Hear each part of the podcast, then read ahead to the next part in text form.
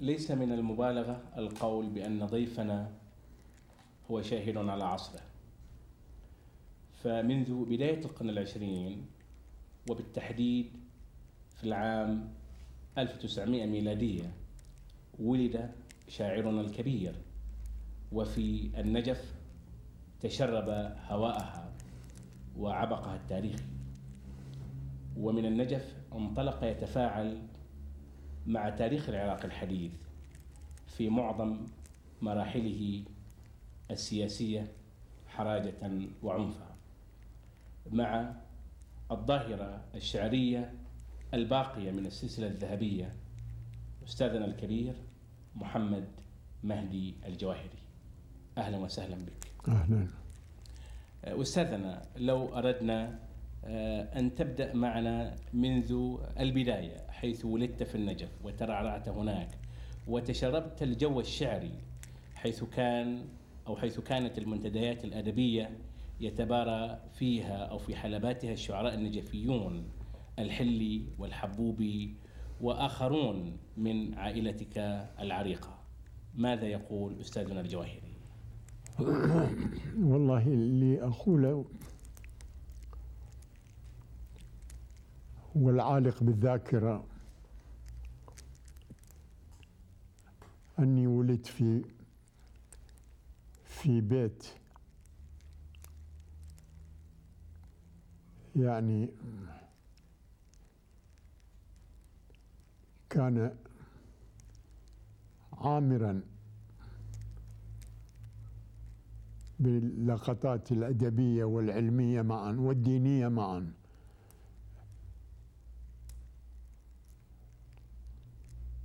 فوالدي رحمه الله كان إلى جانب منزلته الدينية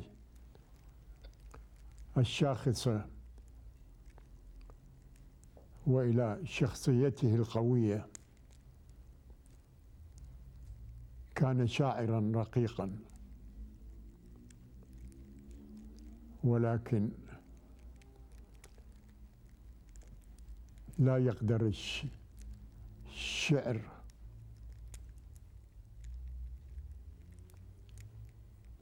أن أن يزاحم ما خلق له والدي.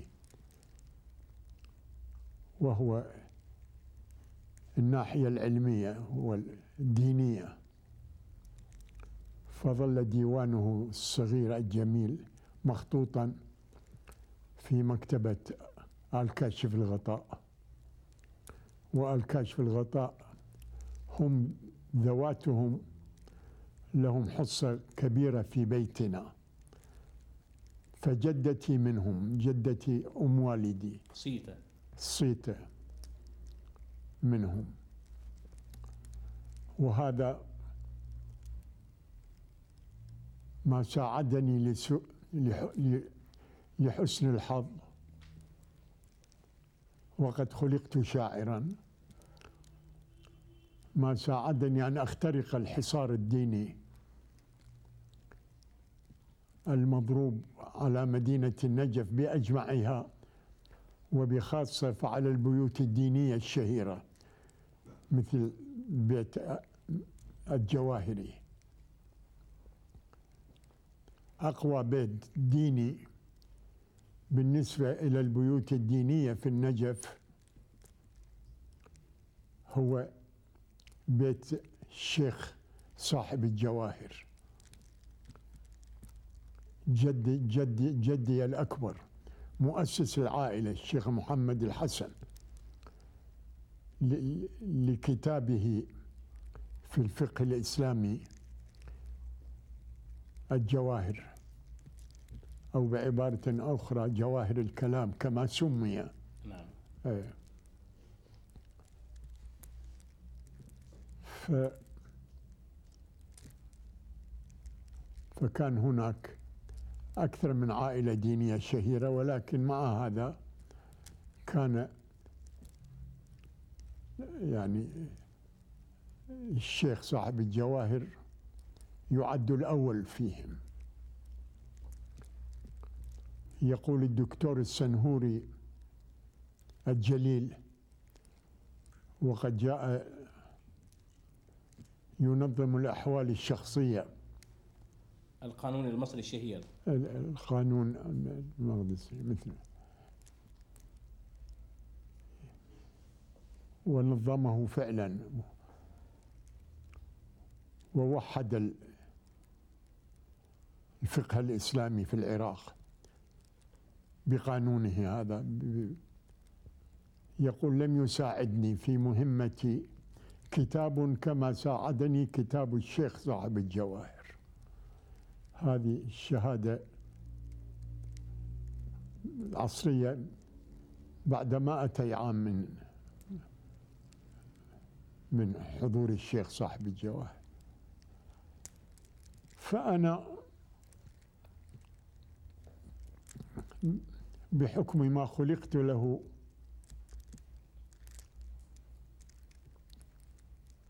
كنت يعني كنت جزءا لا يتجزأ من بيئة النجف الأدبية بصورة عامة. وكما قلت فبصورة خاصة من البيوت الأدبية.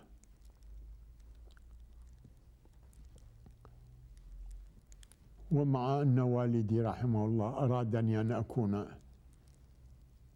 وريثا له دينيا. كعالم دين كعالم ديني. فقد كان فقد كانت طبيعة العناد. التي تتفاعل في في دمي لكي أكون شاعرا كانت تتغلب على نزعته القوية وعلى شخصيته القوية وعلى وصيته علي كوصي قوي. وكنت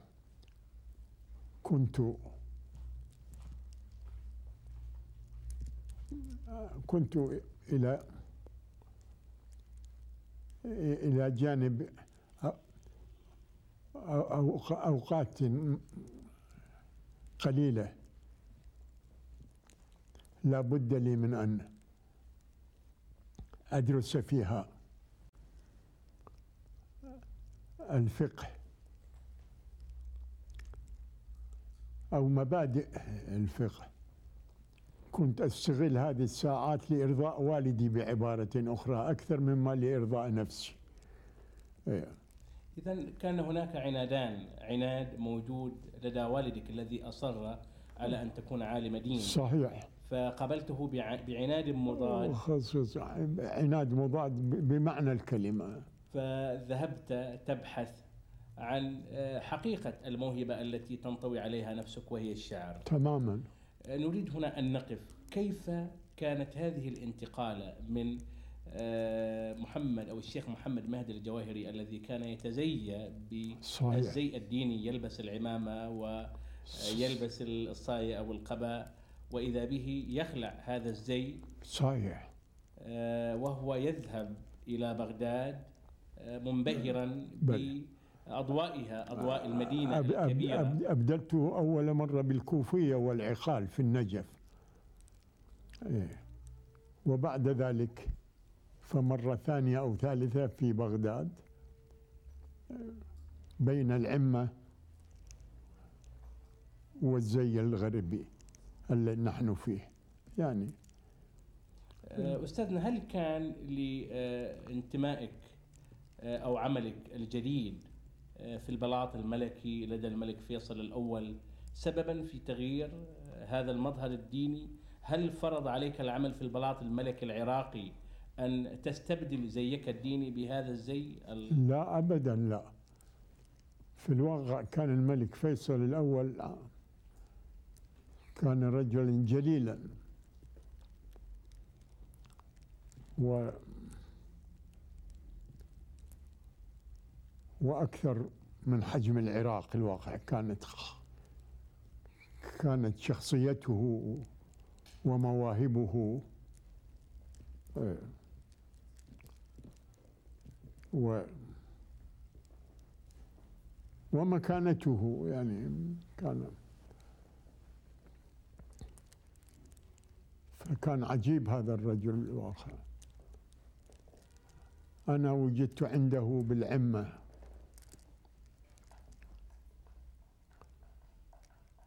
أو بعبارة أخرى اختارني هو لأكون في حاشيته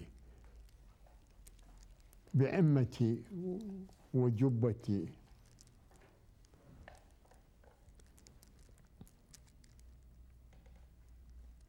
و وأنا بالذات تطورت فيما تطور به الآخرون.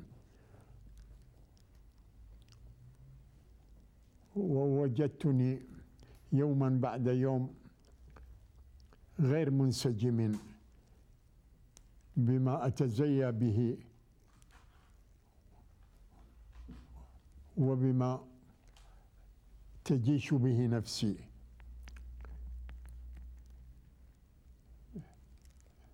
من نزعات ومن نزغات في الواقع. شعرية وحياتية. يعني في الواقع كنت حريص على أن يعني آخذ مشواري المعين مع أقراني من أدباء بغداد وشعرائه وأنا في الصميم منهم. ف فكنت أجد فجوة بين هذا وبين ذاك. ف فأبدلت الزي زيي. وفوجئ الملك فيصل وأنا أدخل عليه لأن لأنني أنا واحد من ثلاثة. يعني واجبهم أو أو أو تقريبا شغلهم الوحيد أن يتص... أن يكونوا على اتصال بالملك فيصل ذاته. كموظفين في التشريفات الملكية. في التشريفات الملكية يعني يعني أنا الذي أدخل وأخرج عليه. وكان بالذات يحبني كثيرا كثيرا. كان يسميني ابني محمد إلى أن خرجت. وخرجت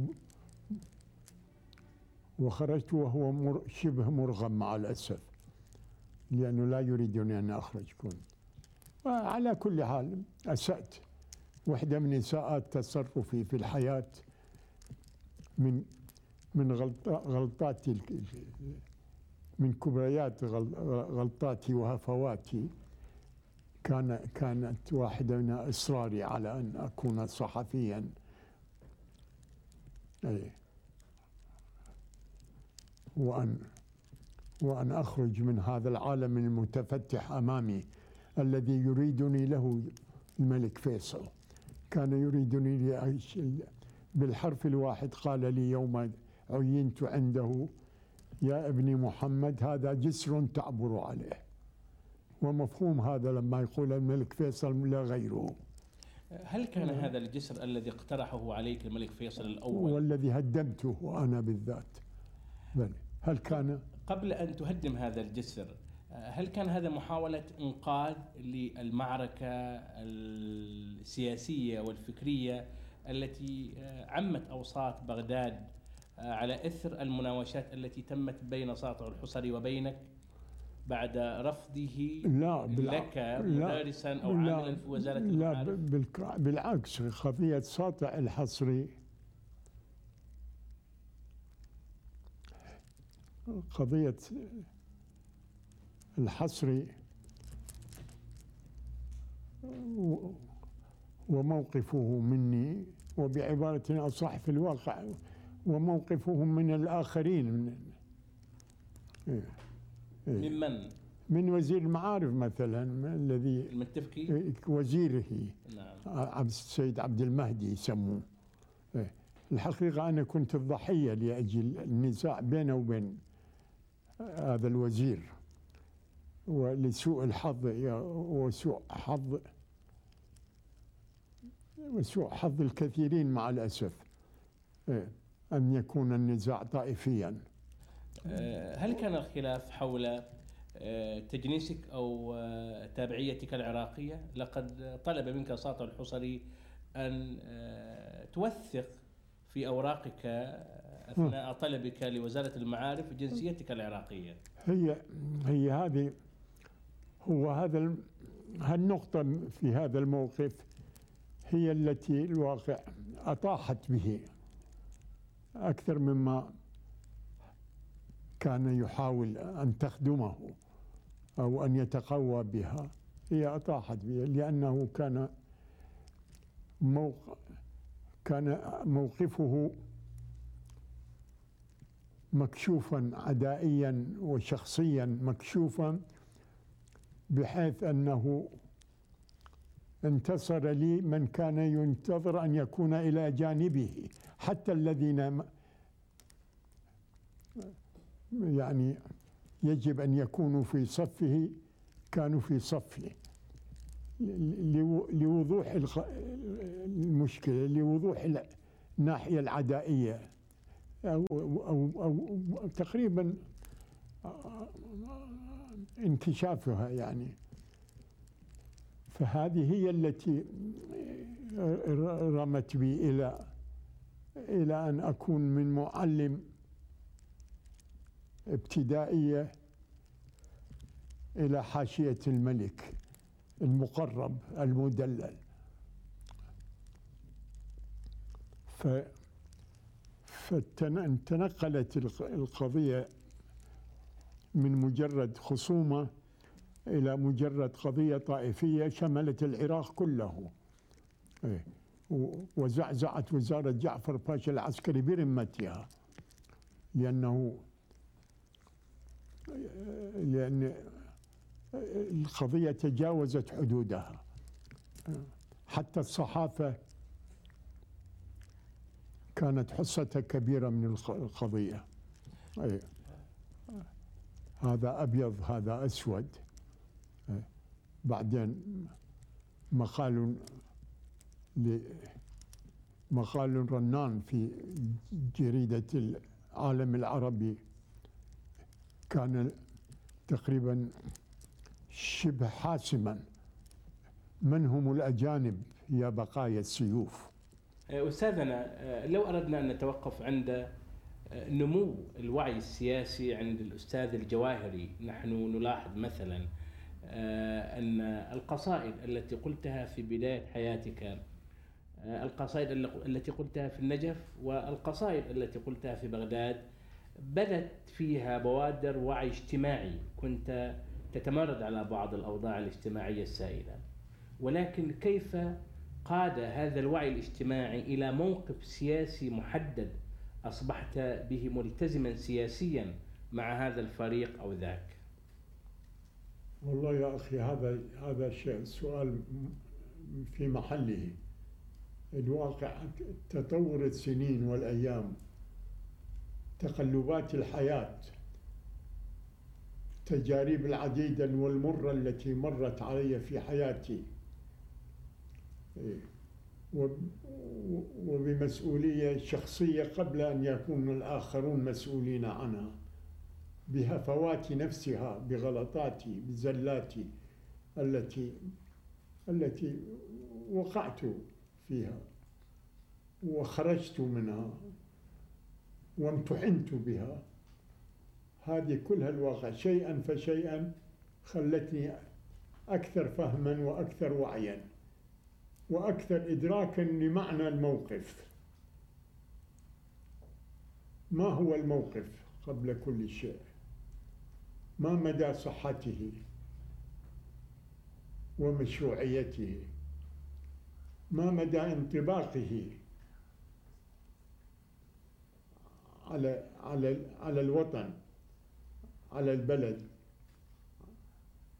وعلى مراحله مراحل الحياة فيه يعني. ثم ما ما مدى صمود ما مدى قدرة المرء على الصمود. هذا لم لم يجئني عفوا واقع ولا بمحض المزاج أو الإرادة وإنما جاءني شيئا فشيئا واقع وتقويت بها مرحلة بعد مرحلة. عقدا من الزمن بعد عقد. حتى أصبحت ذا قناعة بما هو صائب وبما هو غير صائب. وبالموقف الذي أتخذه من هذه المسألة أو تلك أو تلك. وأنا فخور أنني ما زلت وما بقي من حياتي لم يبقى كثير وما بقي منها فخاتمة خيرة طيبة لا بأس بها. أطال الله في عمرك هذا هذا الواقع هكذا كان أستاذنا هل كان للكاتب العراقي ذو النون أيوب دور ما في آه، عملية انتمائك السياسي؟ كيف؟ هل كان للكاتب العراقي ذو النون أيوب دورا ما في عملية انتمائك السياسي؟ إيه الله يرحمه ذو النون أيوب الواقع طبعا طبعا له دور كان كان في مرحلة الثلاثينات كنا إحنا بالعشرينات أو أواخر العشرينات وأوائل الثلاثينات وحتى الأربعينات يعني كنا شلة شبه مرموقة. وكان المرحوم ذنون أيوب في الصميم منا واحد منا. خدم الرجل خدم بكل معنى الكلمة. خدم ما استطاع. و وأبقى من آثاره شيء شيء غير قليل مما يحتفظ به مما يقرأ. هل كان لهذا الوعي السياسي آه، الذي حسب على الفريق التقدمي في العراق دورا ما في تأييدك لثورة عبد الكريم قاسم؟ هل كان؟ هل كان لهذا الانتماء السياسي الذي حسب على الجهة التقدمية في الجغرافيا السياسية العراقية؟ هل كان لهذا دور في تأييدك لثورة عبد الكريم قاسم؟ هذا والله هذا طبعا بصورة عامة إلى إلى دور في هذا الموقف في موقفي من كريم قاسم لكن قبل كل شيء كانت نفسي كان دمي كان مزاجي إيه. كانت كانت صراعاتي مع الحياة ومع الحكم ومع الناس آه، كان هو هو له الدور الأول قبل كل دور آخر يعني بحكم بحكم دمي ومزاجي. أنا أنا شبه ثائر. فكنت أرحب حتى بالانقلاب الذي يجب أن لا يرحب به بالانقلاب العسكري المؤقت. ولكنك اتخذت موقفا حازما من انقلاب بكر صدقي. إيه، نعم صحيح لكنه في في الأسبوع الأول أو في الشهر الأول كنت معه لأنه لأنه يعني في حسابي شبه ثورة يعني حكم جديد انقلاب جديد عسى أن يكون خيرا. طبعا بعد انكشافه وبعد وضوحه أمامي اتخذت الموقف الصائب. ف فما ماذا افتتاحية الرأي العام التي أغلقت على أثرها؟ ماذا بعد ستة شهور؟ هذا مقال فظيع كان. ثم كانت القصيدة الرائية. كلوا إلى الغيب ما يأتي به القدر واستقبلوا يومكم بالعزم وابتدروا. وصدقوا مخبرا عن حسن منقلب وآزروه. عسى أن يصدق الخبر. وأنت يا ابن سليمان التي لهجت من إلى نقول بها. أقول إن السماء التي أبديت رونقها يوم الخميس بدا في وجهها كدر. تساءل النفر ماضون عهدهم أن سوف تعقب. كذا. أن سوف يرجع ماضيهم فيزدهروا آه، للآن للآن لم يلغى شبر من مزارعهم ولا تزحزح مما شيدوا حجر. هذه بعد بعد التجربة اللي عشتها مع هذا العهد. بوعي بنزاهة بنظافة حتى كنت مرشح لأكون في المجلس النيابي أنا والأخ مصطفى علي الذي صار وزيرا العدلية بعده إذا لماذا كنت إيه. تؤيد الحركات الانقلابية في داخل العراق وقد حظيت باحترام الوسط السياسي خسرت النيابة خسرت المجلس النيابي فيها لموقفي لقناعتي. يعني بسوء.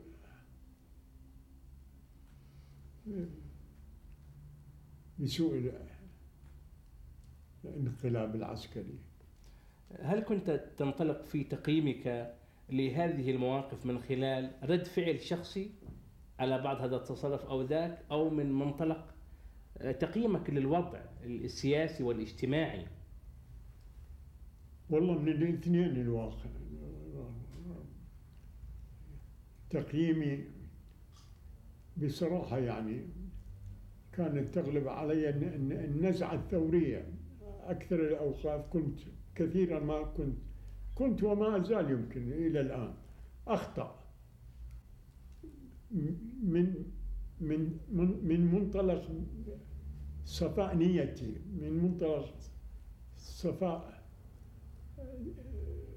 نفسي من منطلق البراءة بعبارة أخرى الواقع من حيث التقييم.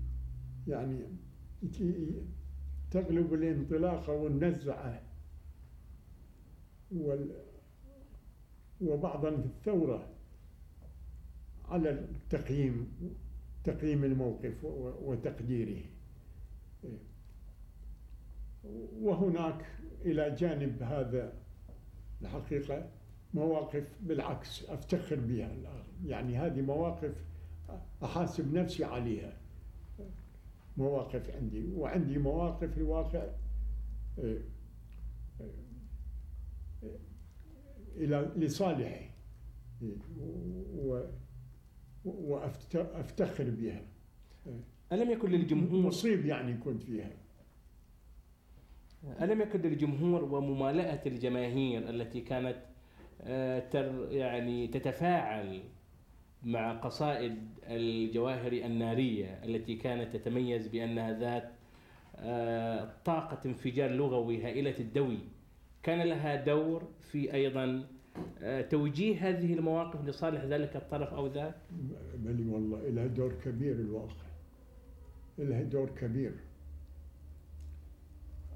أنا بصراحة يعني كنت كل ما أجد صدى قصيدة من قصائدي لدى الجماهير ومدى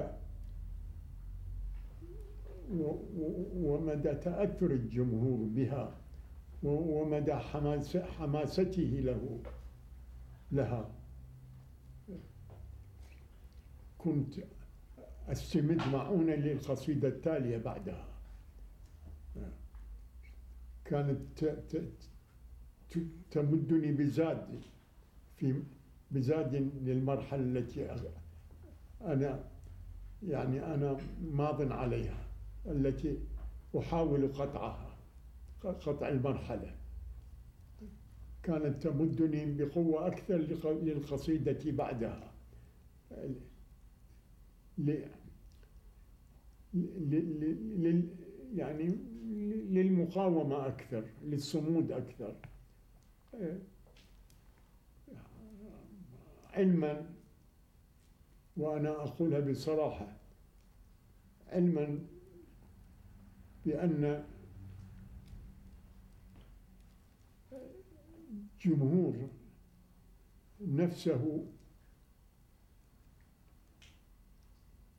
كثيرا ما يكون عاجزا عن عن أن يصنع شيئا.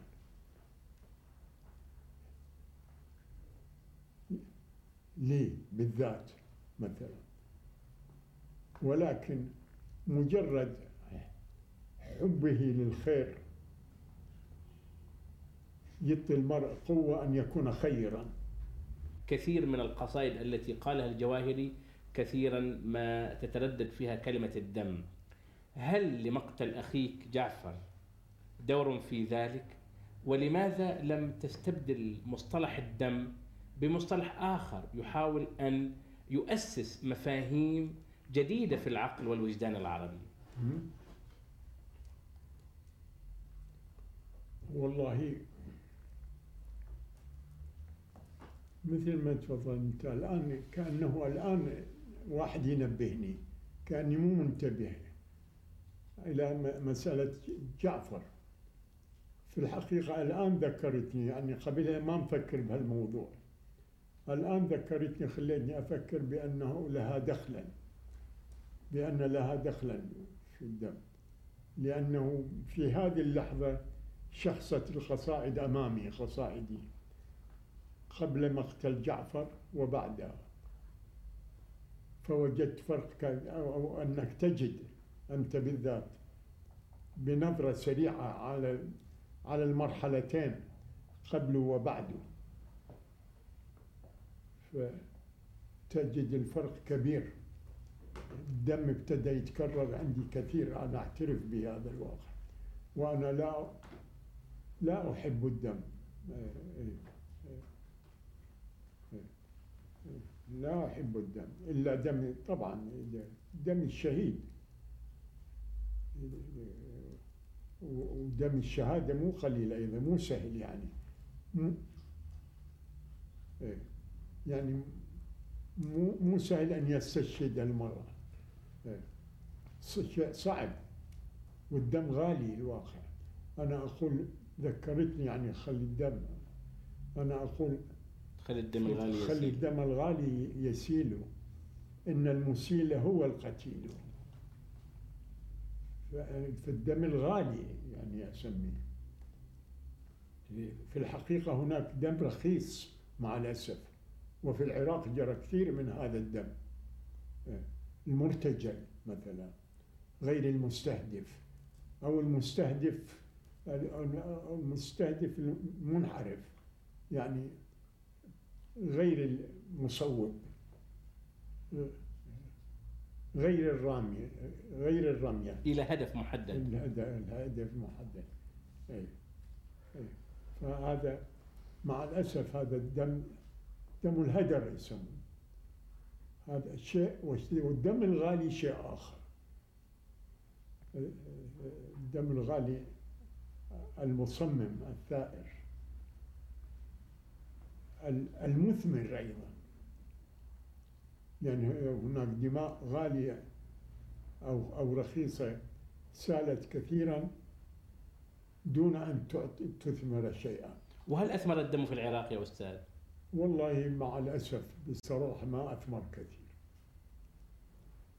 ما أثمر كثير.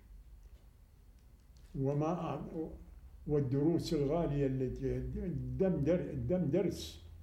الدم درس. الدم عبرة. الدم عظة إيه. هذا ما نحن فيه اليوم بعد هذا كله وبعد الدماء التي سالت الواقع إيه. إيه. مع الأسف ليست بكفء النتائج أو المواقف الراهنة أو قبل الراهنة أو في كل المراحل التي مر بها التاريخ العراقي. كان كان الدم في العهد الم- الملكي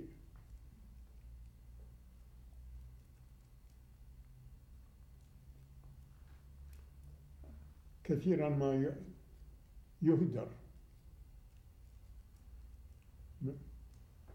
يهدر.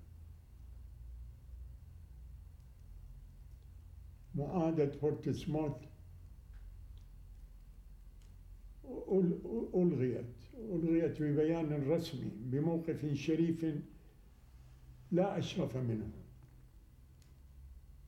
حتى من قبل الملكية نفسها. وذيع البيان في الليلة الشهيرة. أسقطت المعاهدة نزولا على آراء قادة الأحزاب وزعماء البلد ورغبة الشعب تعتبر لاغية مع البيان الرسمي ما نشوف إلا الصبح معركة الجسر. جعفر راح. جعفر الشهيد راح راح رخيص في الواقع. هذا الدم الغالي من جهة ومن جهة الدم المهدور. ما ما أنا ما فهمت مثلا. ما فهمت لماذا ألغي يعني كان كان الدم يصير لشيء آخر. يدخر يدخر لمرحلة قادمة لمطلب جديد.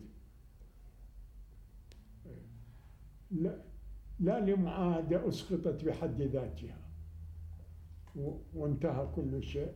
وي- مثلا فيعني أنا الدم عندي الواقع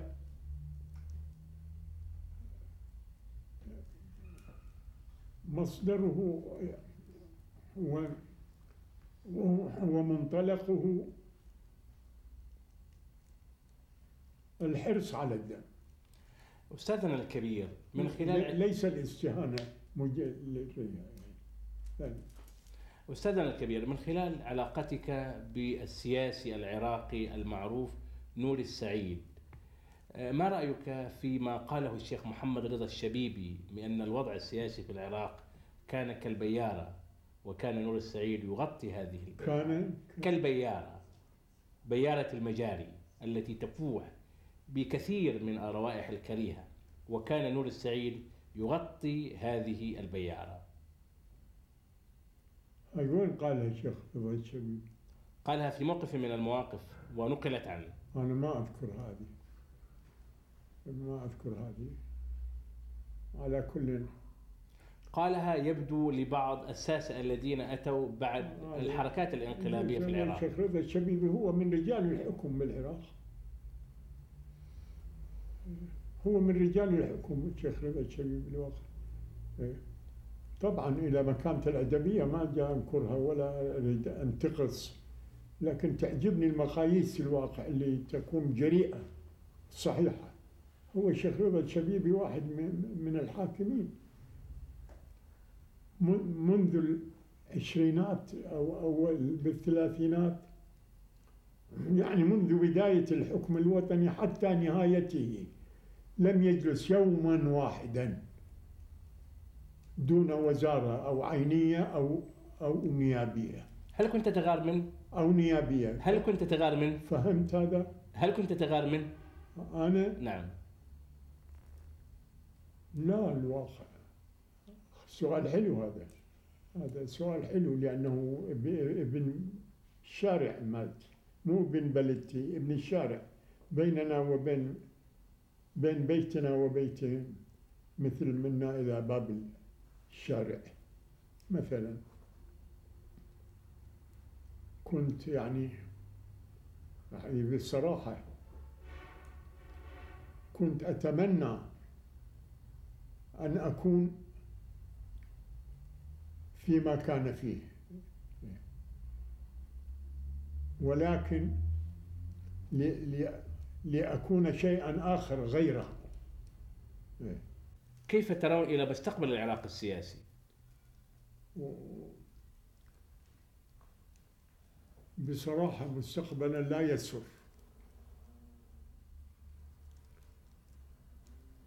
لن يكون للعراق مستقبل بعد هذا الذي كان كله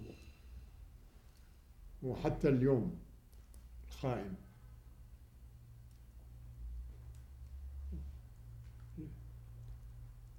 لن يكون الشيء الذي يريده الشعب العراقي. أبدا. هذا شيء مخطوع مجزوم به. إيه. أما كيف ولماذا؟ فالحديث طويل.